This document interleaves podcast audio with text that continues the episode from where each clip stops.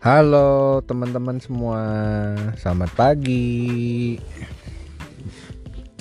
Hari ini yang ada di pikiran gua, mungkin gua akan yang ada di pikiran gue yang mau gue sharing. Mungkin nanti gua akan kasih judul parenting and friendship.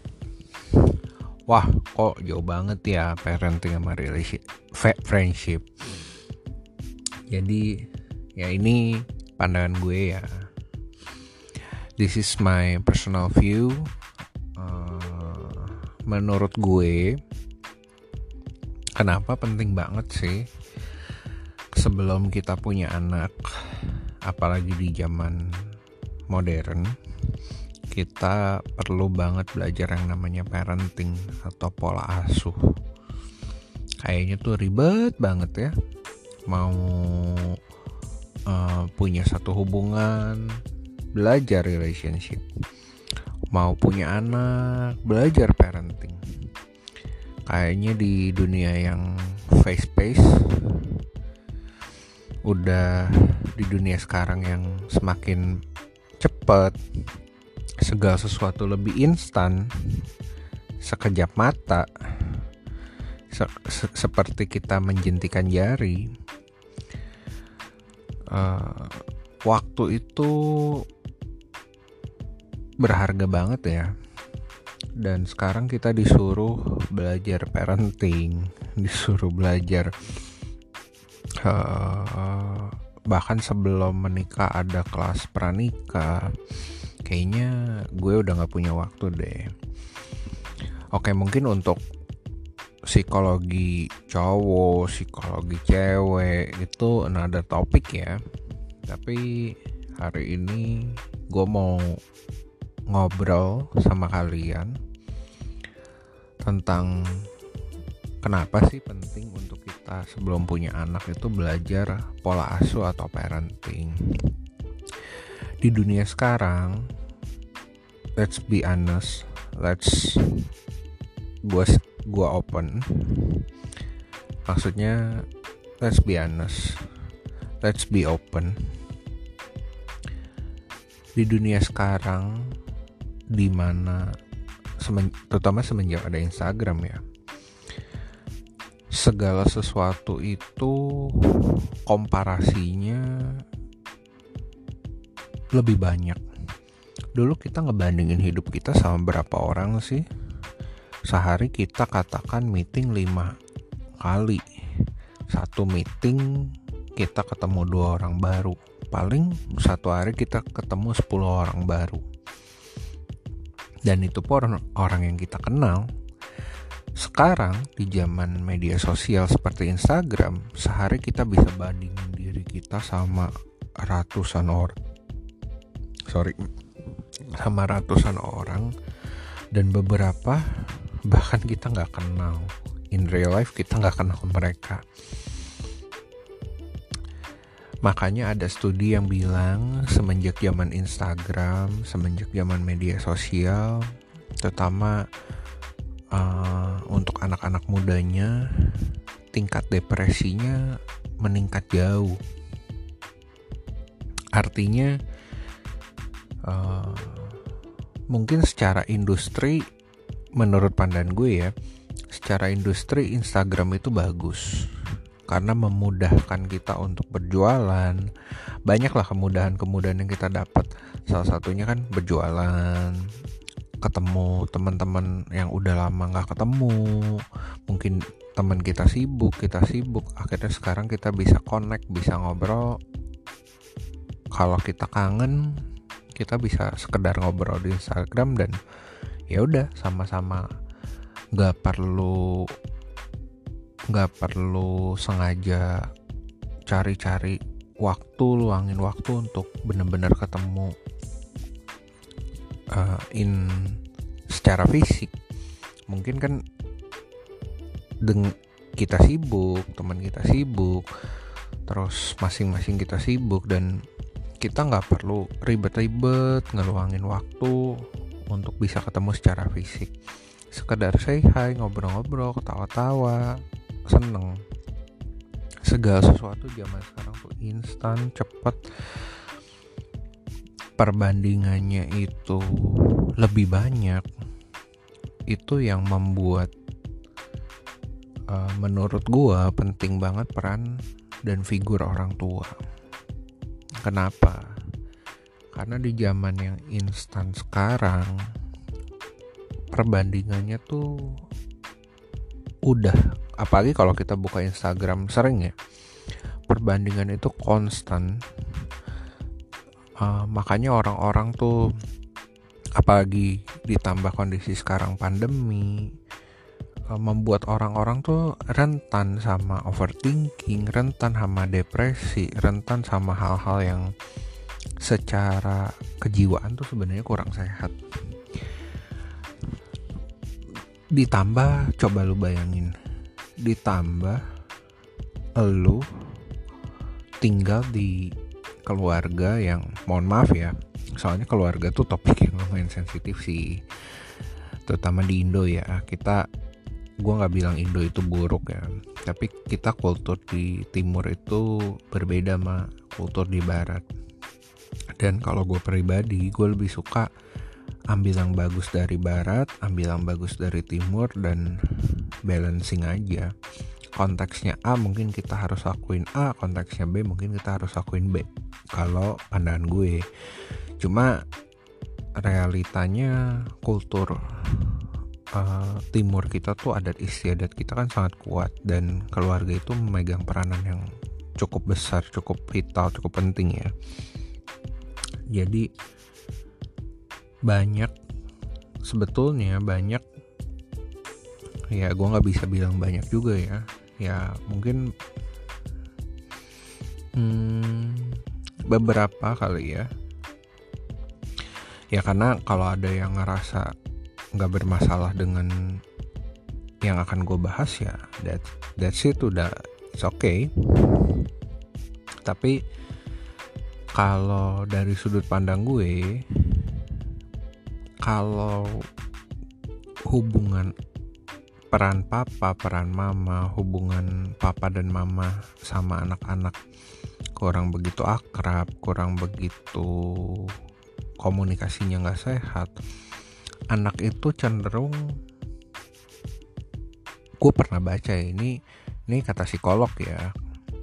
Psikolog bilang anak itu nggak menjadi diri mereka sendiri I, itu menurut gue akan jadi kesulitan di masa yang akan datang. Karena waktu orang gak jadi diri mereka sendiri, mereka itu rentan merasa kesepian di tengah keramaian. Waktu mereka gak jadi diri mereka sendiri, artinya mereka akan punya proses untuk benar-benar menemukan diri mereka. Dan kalau akhirnya ketemu, biasanya di situ akan banyak drama. Karena orang pikir nih orang kok berubah ya? Ini orang kok beda ya? Itu biasanya rentan untuk jadi drama. Kenapa? Karena di zaman sekarang tuh orang tuh senangnya instan. Apalagi dengan banyaknya perbandingan orang tuh inginnya tuh tanpa cacat tanpa celah berlomba-lomba menuju hidup yang sempurna baik secara finansial, secara keuangan, secara uh, relationship, kebahagiaan dalam keluarga, secara kehidupan sosial, dalam pertemanan, populer. Iya, dan untuk nyampe itu semua nggak mudah ya, nggak gampang di zaman sekarang. Itu akan lebih sulit untuk anak-anak yang nggak punya komunikasi yang sehat sama orang tuanya, nggak punya hubungan yang sehat sama orang tuanya. Dan menurut gue uh, gue menurut pandangan gue ya anak-anak yang pinter itu mereka justru lebih rentan untuk uh, berantem sama orang tuanya. Karena mereka kritis. Anak yang pintar adalah anak yang kritis. Anak yang kritis lebih nggak mudah untuk menerima satu pakem atau satu pola ya udah lu terima aja kayak gini. Jadi banyak anak-anak yang dengan potensi besar itu potensinya hilang gitu aja cuma karena kita nggak paham pola asuh yang baik yang sehat yang benar. Sayang banget kan? Uh, jadi hubungannya pola asuh sama friendship adalah pola asuh yang sehat uh, keluarga yang sehat. Sehat itu butuh proses ya buat sebagian orang ya karena mereka punya akses ke pendidikan yang cukup bagus punya akses ke kesejahteraan secara finansial. Kenapa penting? Karena orang kalau secara finansial belum stabil boro-boro mikirin pengembangan diri boro-boro mikirin yang lain yang lain-lain. Makan aja udah susah. Nggak punya waktu untuk lebih-lebih yaitu teori ekonomi. Dulu dulu kita diajarin teori ekonomi tentang kebutuhan manusia paling dasar itu kan makan dulu rumah dulu uh, baru nanti aktualisasi diri uh, pengakuan mencari pengakuan uh, semua orang butuh itu. Itu basic needs untuk semua kita ya. Jadi uh, menurut gue penting banget sih. Karena dari anak gue perhatiin anak-anak yang dari keluarga yang ideal ya. Ini gue bilangnya ideal ya. Intinya artinya komunikasinya betul-betul bagus ya. Bener-bener terstimulus distimulus anaknya bener-bener stimulannya ada di segala aspek. Gue lihat mereka punya kemampuan adaptasi yang lebih cepat. Mereka lebih punya self confidence mereka lebih punya percaya diri. Mereka lebih mudah beradaptasi mereka lebih nggak gampang depresi lebih nggak gampang uh, lebih nggak gampang stres boro-boro depresi. Lebih nggak gampang stres mereka lebih bisa kreatif waktu ngadepin tantangan atau masalah. Atau mereka ada satu hal yang mentok mereka lebih kreatif untuk mencari solusi. Nah menurut gue penting banget sih. Asli penting banget. Karena dari lo bayangin anak yang awal mereka tuh nggak jadi nggak ketemu jati dirinya atau dibentuk lo tuh harus A B C. Sedangkan mereka sebetulnya bukan orang seperti itu ya. Lo lo bayangin anak yang kayak gitu mereka bergaul mereka pikir jati diri mereka adalah ini sekali lagi ya referensi gue tuh beberapa dari baca-baca buku psikologi aja. Jadi karena gue kan nggak punya gelar psikolog nggak punya gelar uh, di bidang psikologi atau gue bukan psikolog ya. Jadi ini referensi buku-buku psikologi yang gue baca. Nah salah satu buku psikologi itu bilang uh, bahwa mereka itu anak-anak yang lingkungannya kurang ideal ya kurang ideal. Which is kalau buat sebagian orang ah nggak mau ribet ya is okay juga. Hidup itu kan pilihan ya. Ini gue khususin untuk orang-orang yang emang mau push diri mereka lebih jauh ya. Mau keluar dari zona nyaman dan membu- mel- meluaskan zona nyaman mereka. Meluaskan zona nyaman kita. Anak-anak yang yang mereka mereka itu percaya jati diri mereka adalah apa yang orang tua mereka katakan. Karena orang tuanya komunikasinya kurang tepat ya. Terus ketika mereka bergaul, mereka akan terus mencari-cari identitas mereka. Dan akhirnya katakan mereka ketemu satu identitas diri yang membuat mereka disukain diterima. Itu pun akan sangat rentan sangat fragile. Kenapa? Karena uh, itu sebenarnya